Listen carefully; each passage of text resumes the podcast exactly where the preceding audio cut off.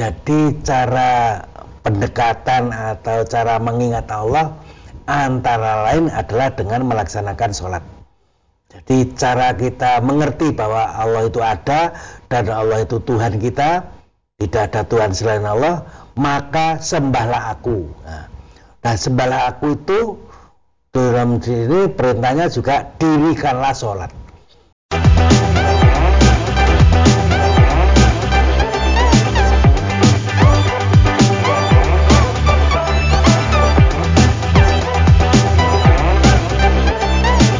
Assalamualaikum warahmatullahi wabarakatuh Saudara pemirsa channel terpilih MTA TV di mana pun Anda berada Puji syukur Alhamdulillah senantiasa kita panjatkan kehadirat ilahi Rabbi Allah subhanahu wa ta'ala Atas kenap karunia nikmat dan juga rahmatnya untuk kita semua Di perjumpaan awal aktivitas pagi hari ini Kita jumpa kembali di program Unggul Fajar Hidayah Dan Alhamdulillah sudah hadir Ustadz Dr. Setio Budi Santoso yang nanti akan melanjutkan pelajaran sekaligus memberikan pencerahan untuk semua di kesempatan kali ini.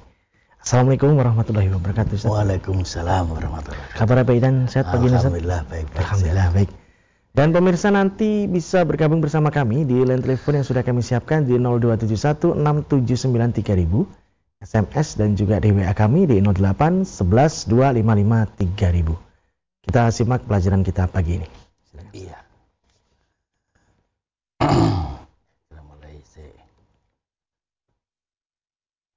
Assalamualaikum warahmatullahi wabarakatuh. Alhamdulillahi nahmaduhu wa nasta'inuhu wa nastaghfiruh wa na'udzu billahi min syururi anfusina wa min sayyiati a'malina. May yahdihillahu fala mudhillalah wa may yudhlil fala hadiyalah. Asyhadu an la ilaha illallah wa asyhadu anna Muhammadan abduhu wa rasuluhu amma ba'du.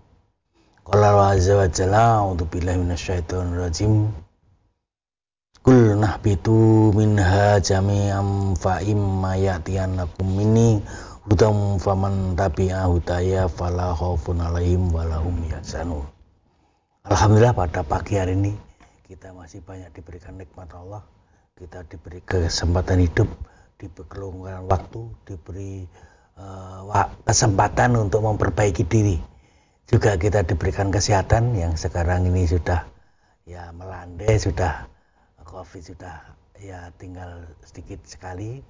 Dan juga PPKM sudah ya hampir banyak yang dicabut. Maka mari kita syukuri nikmat Allah yang diberikan kepada kita. Mudah-mudahan juga Allah memberikan hidayah kepada kita. Nikmat yang paling besar kalau kita diberikan iman diberikan Islam adalah suatu nikmat yang harus kita syukuri. Kita jaga, kita uri-uri, kita pupuk sehingga jangan sampai kita nanti pada saat menghadap Allah, pada saat dipanggil Allah, wala tamutunna ila wa antum muslimun kecuali orang yang berserah diri. Pada pagi hari ini akan saya terangkan tentang uh, sholat dilihat dari kesehatan jiwa atau mental. Jadi kemarin sudah saya bicarakan tentang kesehatan fisik, maka bagaimana sholat dilihat dari kesehatan mental. Tadi saya bacakan di surat Al-Baqarah 38 yang di situ Allah berfirman yang artinya turunlah kamu semua dari surga itu. Kemudian jika datang petunjukku kepadamu, maka barang siapa mengikuti petunjukku, niscaya tidak ada kekhawatiran atas mereka dan juga mereka tidak bersedih hati. Jadi pada saat Nabi Adam diturunkan dari surga atau dari kebun itu kemudian diberi istilahnya mungkin karena dia berbuat kesalahan kemudian juga sudah taubatnya diterima Allah maka Allah berpesan berfirman kepada Nabi Adam turunlah kamu dari surga itu ya, dari jannah itu. Kemudian nanti kalau datang petunjukku dari Allah ya petunjuk-petunjuk dari firman-firman Allah nanti akan diturunkan Rasul dan diturunkan kitab-kitabnya maka barang siapa mengitunya maka tidak ada kekhawatiran kepada mereka dan juga mereka tidak bersedia hati. Intinya tidak hanya sholat jadi melaksanakan semua perintah-perintah Allah itu akibatnya dia ya tidak ada rasa khawatir dan tidak ada rasa sedih hati. Di ayat yang lain misalnya di surat Toha Toha ayat 14 itu yang di situ uh, juga diterangkan bahwa sesungguhnya aku ini adalah Allah Tuhan selain aku. Maka sembahlah aku dan dirikanlah sholat. Innani ana allaha la ilaha illa ana fa'buduni wa aqimis sholata li dzikri. Jadi cara pendekatan atau cara mengingat Allah antara lain adalah dengan melaksanakan sholat. Jadi cara kita mengerti bahwa Allah itu ada dan Allah itu Tuhan kita, tidak ada Tuhan selain Allah, maka sembahlah aku. Nah, sembahlah aku itu dalam diri perintahnya juga dirikanlah sholat. Jadi sholat adalah cara pendekatan diri manusia kepada Allah.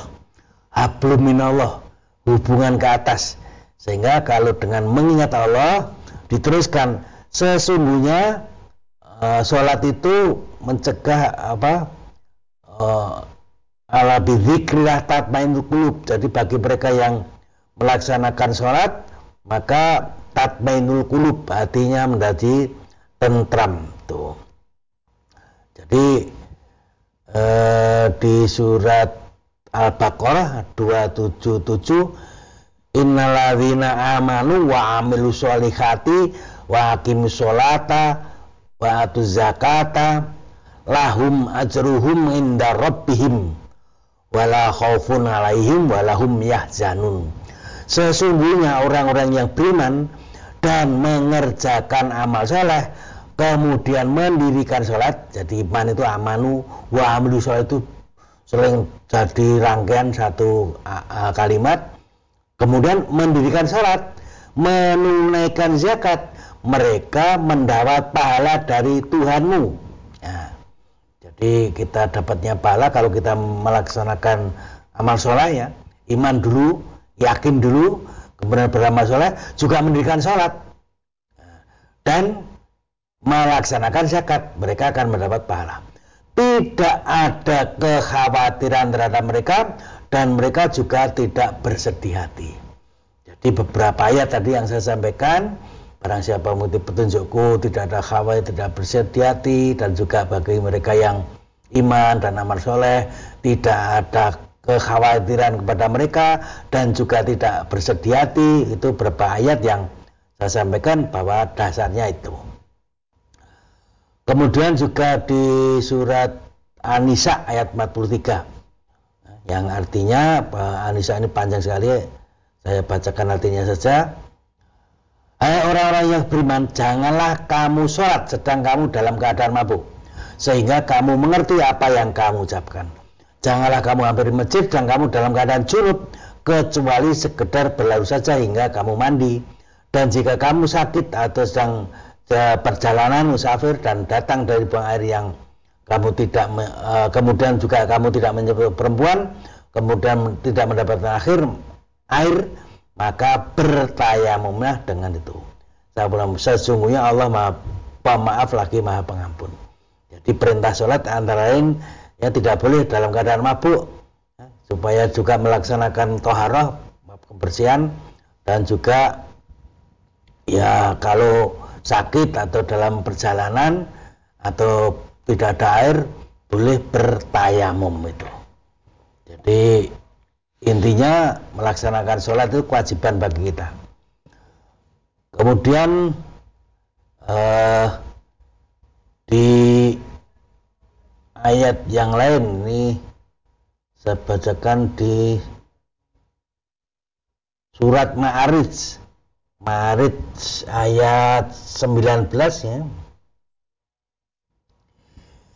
Innal insana khuliqa halua. Idza masahu sarru jazua. Wa idza masahul khairu manua. Illa musallin. Alladzina hum ala salatihim daimun. Yang artinya sesungguhnya manusia itu dalam kondisi e, bersifat keluh kesah. Pada umumnya kebanyakan manusia isinya keluh kesah.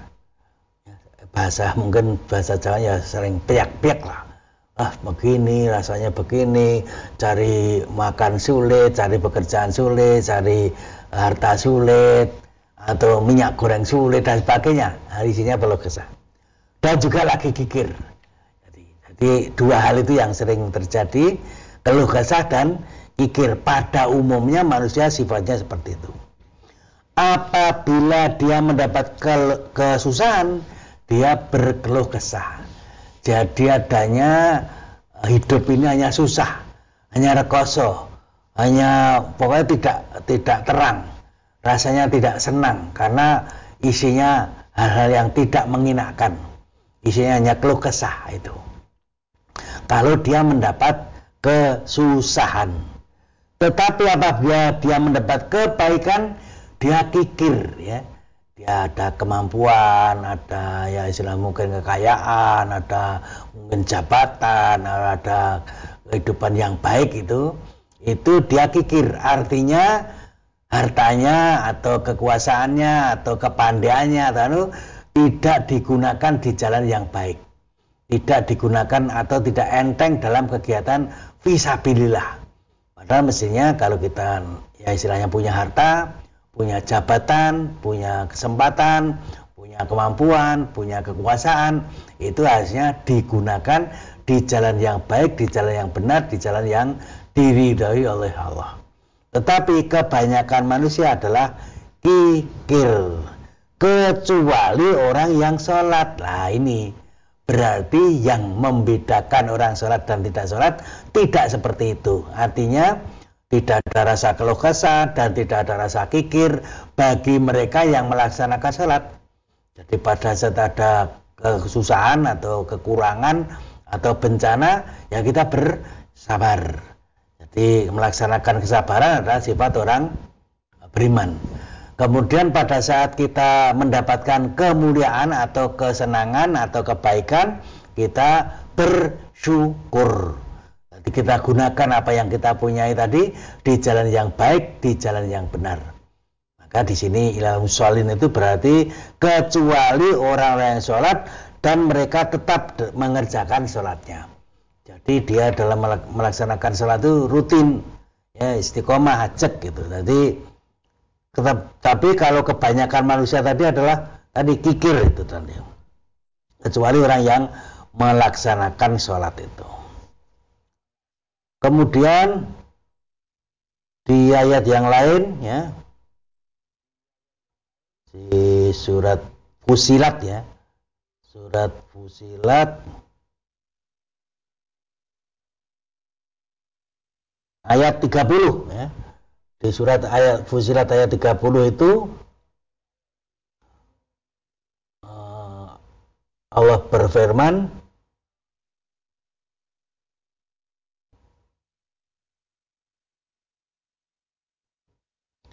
Innaladzina qalu rabbunallah tsumastaqamu tatanazzalu alaihimul malaikatu ala takhafu wa la tahzanu wa absiru bil jannati lati kuntum tu'adun. Ya. Sesungguhnya orang-orang yang mengatakan Tuhan kami adalah Allah, artinya orang yang beriman, orang yang mutakin, kemudian mereka meneguhkan pendirian, ya, istiqomah, atau ya tadi Rabbuna tumas takomu istiqomah. Teguh pendirian. Maka malaikat akan turun kepada mereka.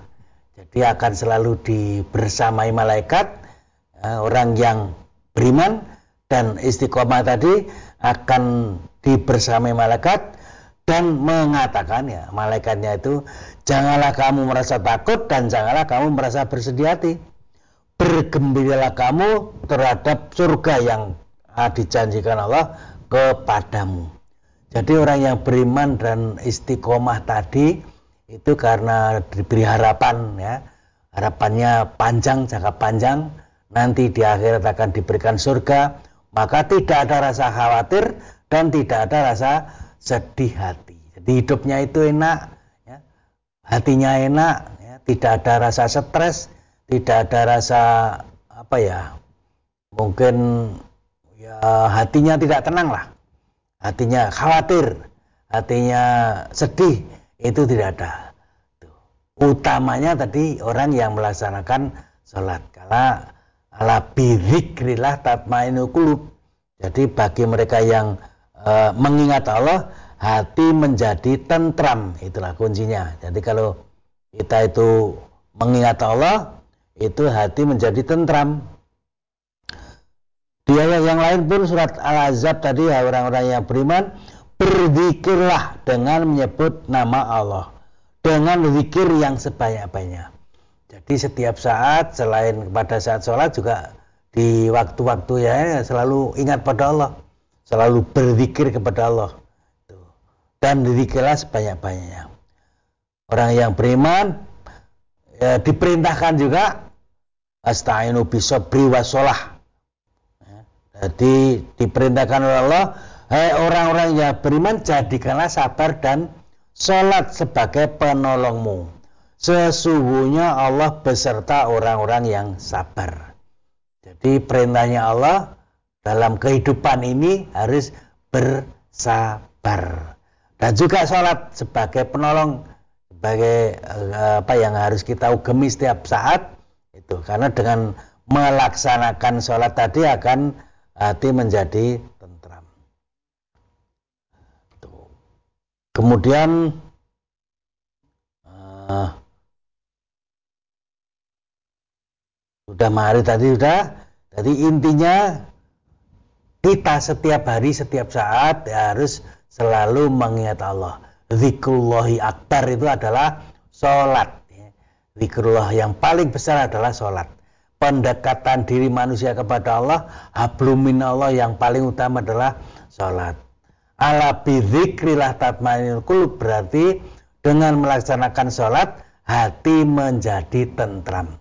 Nah, kemudian tentram tadi kalau manusia pada umumnya hanya susah, hanya ya, kecewa, hanya sedih, atau juga bagi mereka yang e, mendapat kemuliaan e, istilahnya e, kikir, tidak mau menggunakan di jalan yang baik, itu pada umumnya. Tapi ke, ke, kecuali orang yang melaksanakan sholat. Maka kalau kita melaksanakan sholat secara uh, istiqomah, ya, di Fusilat 30 tadi, bagi mereka yang uh, mengatakan kami beriman kepada Allah dengan istiqomah, maka malaikat selalu membisiki kepada kita, hati kita selalu di, diberi istilahnya apa ya, kekuatan oleh malaikat ya, selalu diingatkan ala takhafu wala tahzanu. mereka tidak ada rasa khawatir dan tidak ada rasa sedih hati bergembiralah dengan janji-janji Allah bahwa nanti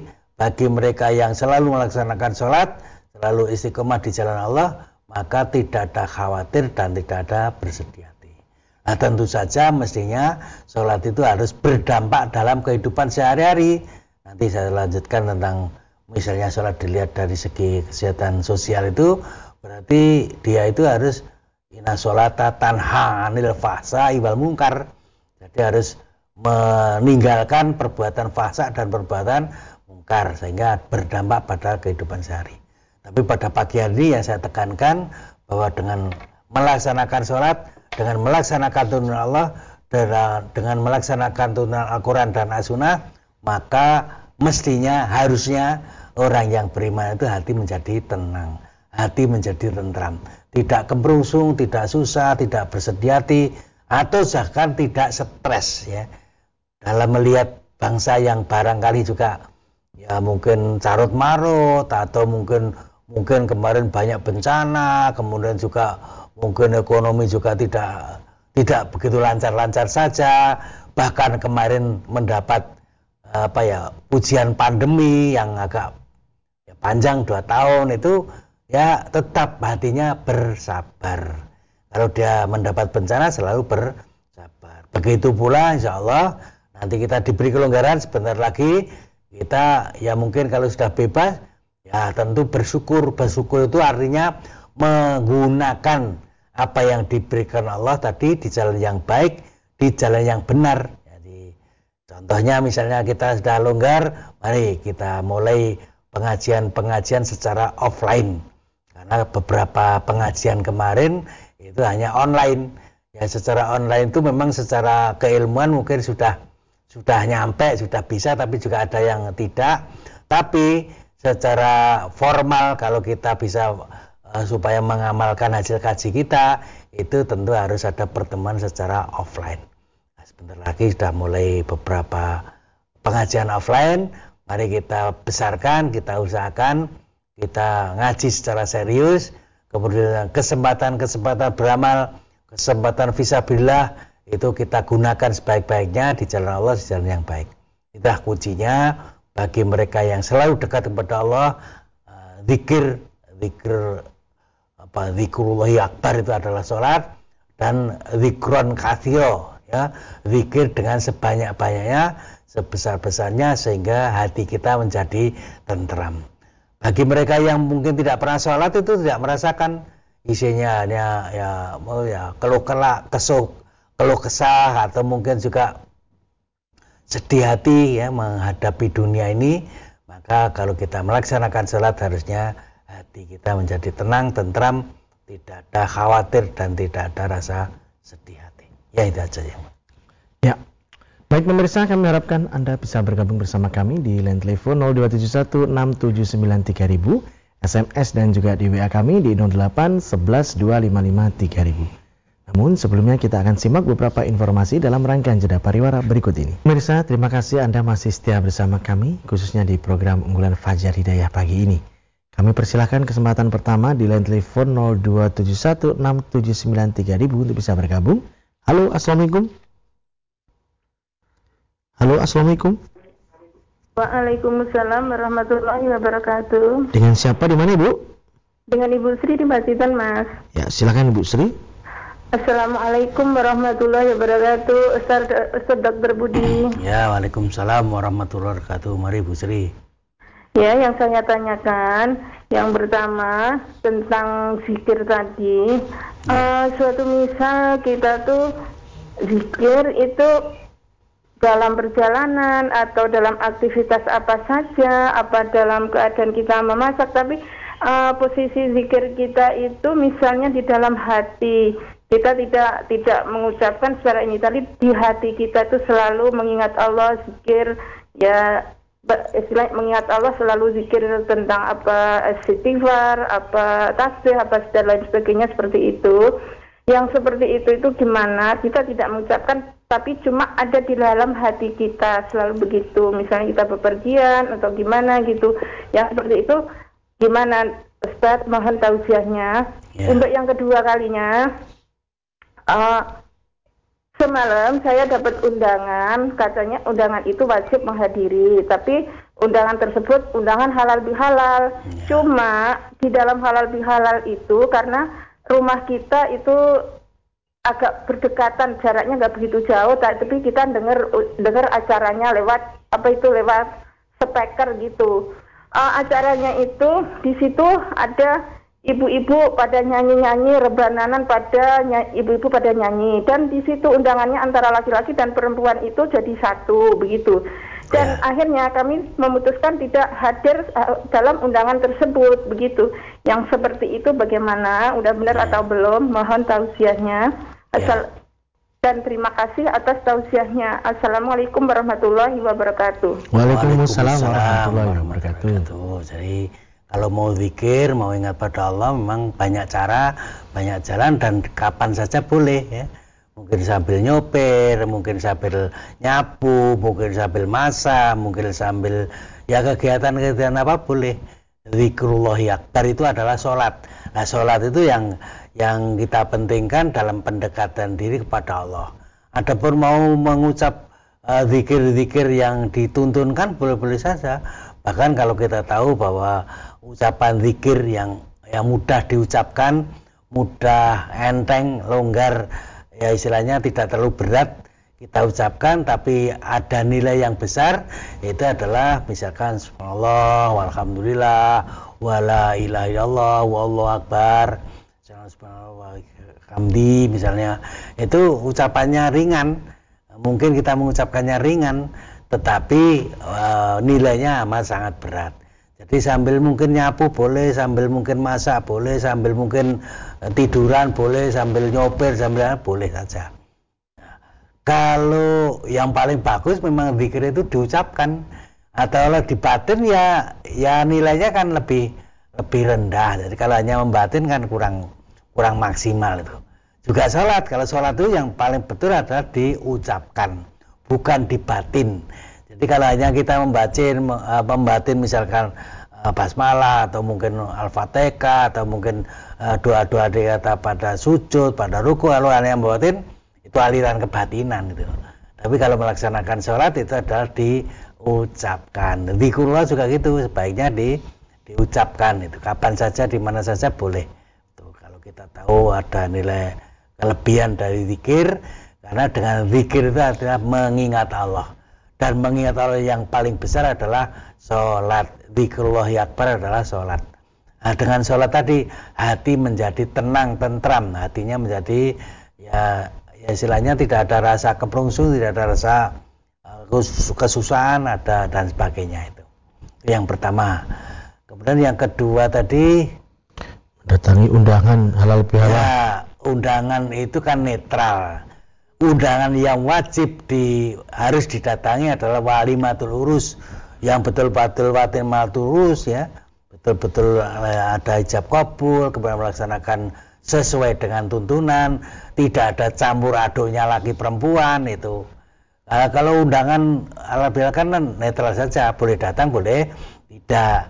Nah kalau kita tahu ternyata acaranya di situ ada nyanyi-nyanyi, lagi perempuan campur aduk, duduknya juga tidak teratur dan sebagainya, ya boleh kita tidak datang itu, tidak wajib dalam pengertian itu. Jadi kalau bahkan ada kemungkinan itu kalau kalau bisa kita mengingatkan, menegur. Kalau kita punya kekuasaan misalnya jadi panitia atau yang diingatkan, ya, boleh nyanyi-nyanyi tapi tidak campur aduk lagi perempuan itu. Yang lain ini yang perempuan di tempat yang perempuan, yang laki-laki di laki-laki gitu. Duduknya juga diatur seperti ya laki-laki untuk laki-laki, perempuan ya di daerah perempuan gitu. Jadi harus dipisah gitu. Jadi kalau kegiatan-kegiatan jelas itu bahasa saya melanggar tuntunan, ya lebih baik tidak datang. Undangan yang wajib adalah undangan yang ya menurut tuntunan tadi adalah wali matul urus. Ya, maksudnya wali urus itu kalau kita diundang itu wajib datang kecuali kita izin. Ya kalau kita tidak bisa datang boleh izin itu kalau memang wali matul urus. Yang betul-betul wali matul urus bukan pesta pernikahan ya. Kalau pesta pernikahan bukan wali matul urus, tapi kalau wali matul urus ya mungkin ya pesta ya makan-makan tetapi bukan pesta pernikahan itu ya itu ya di SMS dibacakan Ustaz dari Ibu Turyati di Pemalang ada dua pertanyaan yang pertama Apakah seorang wanita yang meninggal dunia setelah melahirkan itu termasuk mati sahid Ustaz? Yang kedua, di desa kami kalau pada bulan mulut ada kegiatan membaca buku mulut membaca buku Maulid Berjanji dan Maulid Tiba. Serta sholawat di masjid-masjid dan musola. Yang demikian, apakah ada tuntunannya, boleh atau tidak, Ustaz? Ya. Yang pertama, ya nanti tanyakan kepada uh, Pak Masuki ya hari Selasa tentang hadisnya apa ada apa tidak dan memang uh, di antara mati saya tadi ada yang ya karena melahirkan kemudian meninggal dunia tapi saya tidak yakin tentang hadisnya hadisnya apa sahih apa tidak nanti tanyakan kepada Pak Mas Duki itu yang pertama. Yang kedua uh, urusan maulid itu ya secara umum lah. Artinya urusan dakwah atau urusan ya kita pada saat kita dibacakan berjanji misalkan itu kan sebenarnya riwayat Rasulullah jadi baca harusnya kita tahu bahwa tidak hanya sekedar membaca bahasa Arabnya saja tapi diartikan dianu dimengertikan itu. Secara tadi ditanyakan tentang tuntunan memang itu e, bukan ibadah itu bukan berasa khusus yaitu secara umum ya boleh-boleh saja. Tetapi yang tidak boleh adalah ya istilahnya mel, melanggar aturan larangan itu. Nah karena tidak melanggar aturan larangan boleh-boleh saja. Artinya misalkan Ya melanggar aturan itu misalnya ada ibadah khusus dalam hal mulut Nabi. Ya, dalam dalam ritual tadi ada ibadah. Padahal itu bukan ibadah khusus. Kalau ibadah khusus memang harus ada contoh dan ada perintahnya itu. Tapi kalau ada ibadah umum ya monggo monggo saja asal tidak melanggar larangan.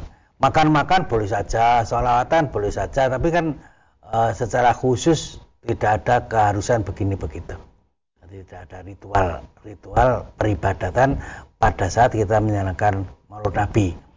Ya, tentu saja yang paling utama penekannya pada mencontoh meniru perilaku Nabi dan yang diturunkan uh, Rasulullah itu atau yang dibawa oleh Rasulullah adalah taroktu fikum amro ini lanta di rumah masak bima kitab Allah wa Nabi jadi Al-Quran dan Sunnah ya, yang paling utama adalah pengajian tadi adalah mempelajari Al-Quran dan Sunnah meniru mencontoh Rasulullah dalam kehidupan sehari-hari Baik. Beralih di WA dari Bapak Senen di Yogyakarta. Mohon tausiahnya Ustaz, saya sholat berjamaah di masjid. Ada teman yang kebiasaannya ingin selalu menjadi imam. Ya. Namun bacaan makhraj dan panjang pendeknya bacaan surat tidak benar. Jika saya kasih tahu, jawabannya selalu saya tidak sama dengan kamu. Maka untuk itu apabila dia yang jadi imam sholat, hati saya merasa lebih baik daripada dia. Apakah saya ini sudah termasuk golongan sifat orang yang ujub Ustadz? Ya. Dan sholat jamaah saya sah atau tidak? Demikian. Ya, jadi memang yang namanya imam itu yang paling betul adalah ya istilahnya apa ya dimaui makmum atau ya memang makmumnya melaksanakan sebagai imam atau makmum imam itu berjamaah itu ada keterpautan hati. Nah mestinya harusnya kita musyawarah ya. Yang paling utama orang Islam itu harus bermusyawarah. Nah sebenarnya keputusan imam khotib dan sebagainya ada aturannya adalah pengaturan yaitu takmir masjid. Takmir masjid itu yang paling sama kalau memang dia sudah terpilih sebagai tamir masjid, dia punya keputusan, oh yang ini yang jadi imam ini, yang jadi khotib ini, yang layak jadi imam ini dan itu dan sebagainya adalah keputusan khotib. Apa keputusan takmir masjid, pimpinan masjid itu.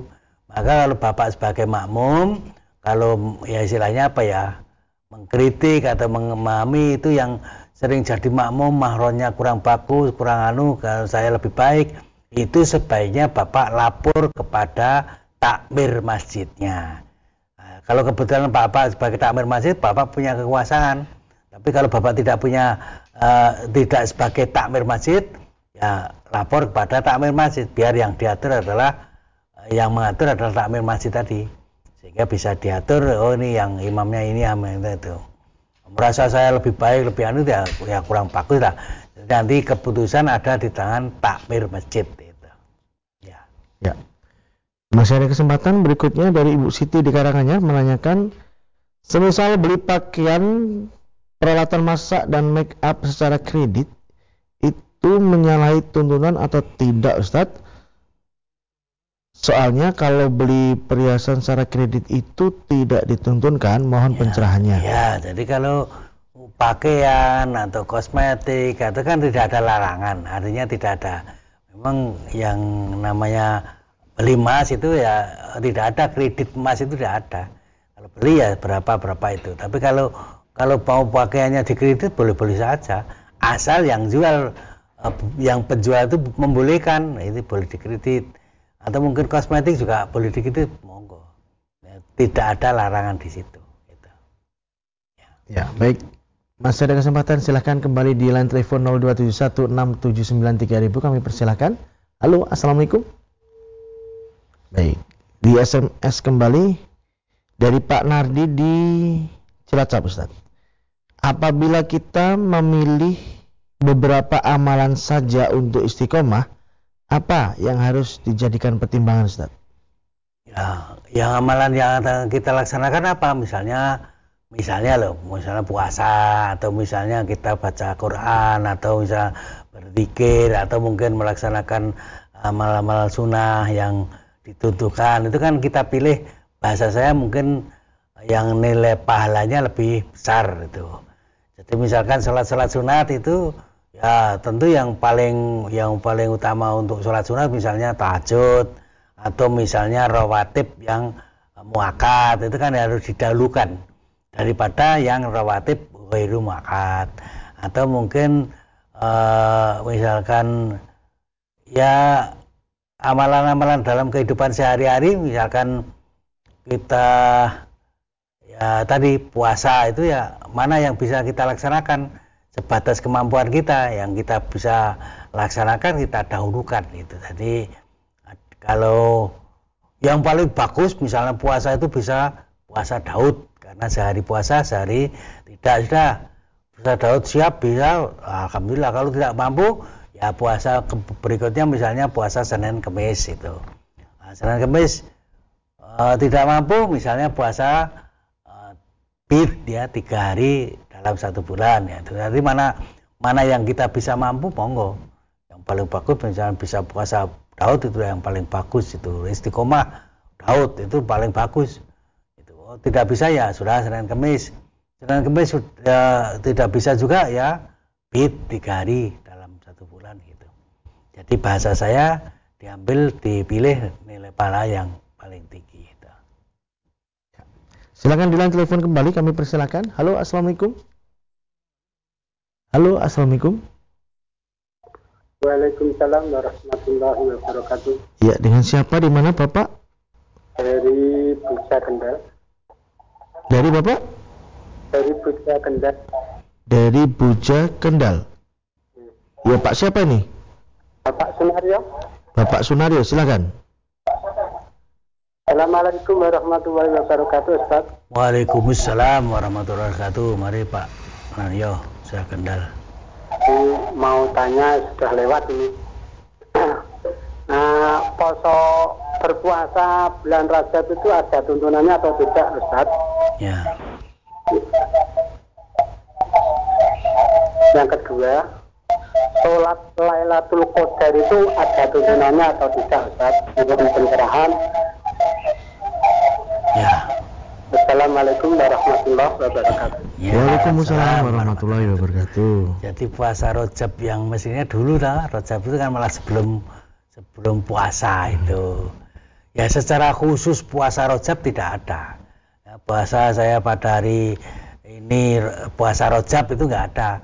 Tapi kalau kita me mengisi bulan Rojab itu dengan banyak berpuasa, itulah Rasulullah banyak berpuasa pada bulan Rojab. Berarti boleh kita puasa Senin Kemis, kita puasa Daud, kita puasa Bid, berarti diisi dengan banyak-banyak puasa bagus itu pada bulan Rajab. Tapi kalau puasa khusus bulan Rajab itu saya belum tahu itu, tidak ada. Dan, ya, istilahnya saya selama ngaji saya belum pernah dengar. Termasuk tadi puas apa sholat untuk Lailatul Qadar itu tidak tidak ada sholat khusus untuk Lailatul Qadar. Nah kalau kita ya pada bulan Ramadan kita melaksanakan taraweh itu ya sholat pada saat bulan Ramadan itu. Nah, Kemudian pada saat misalnya uh, Laylatul Qadar kan biasanya tanggal-tanggal ganjil itu itu. Jadi puasa apa sholat sunat di bulan Ramadan adalah sholat taraweh. Puasa apa sholat khusus untuk dalam rangka Lailatul Qadar saya belum tahu. Tidak ada contohnya kalau Bapak punya ya monggo, tapi kalau saya belum tahu kalau ada sholat khusus untuk Lailatul Qadar. Ya, baik. Kembali di WA dari bap, dari saudara kita yang ada di Magelang. Ustadz, bapak saya setiap hari mendengarkan kajian di radio, khususnya radio MTA. Sudah mengikuti kajian secara rutin, tapi masih sering berkata-kata kasar dan emosian. Kalau diingatkan tidak mau, mohon nasihatnya Ustaz. Bapaknya ya, jadi ya nanti mudah-mudahan lah sedikit demi sedikit. Jadi yang namanya perubahan itu memang tidak kadang di antara kita itu ya ada yang eh, langsung berubah sama sekali ada, tapi ada yang tidak bisa langsung berubah itu. Jadi perilaku apalagi sudah kebiasaan maka untuk perubahannya agak lambat atau sulit itu. Jadi yang paling bagus karena itu bapak itu sebaiknya eh, ini pertanyaan ibu apa bapak ini? Itu sebaiknya di, dicarikan orang yang bahasa saya apa ya ditaati oleh bapak penjenengan. Jadi oh, misalnya ustadz atau misalnya teman akrabnya siapa atau yang lebih dituakan siapa itu disampaikan untuk bisa mengingatkan menegur itu kalau biasanya kalau ditegur anak itu sulit. Jadi tidak bisa menerima karena yang menegur adalah anak.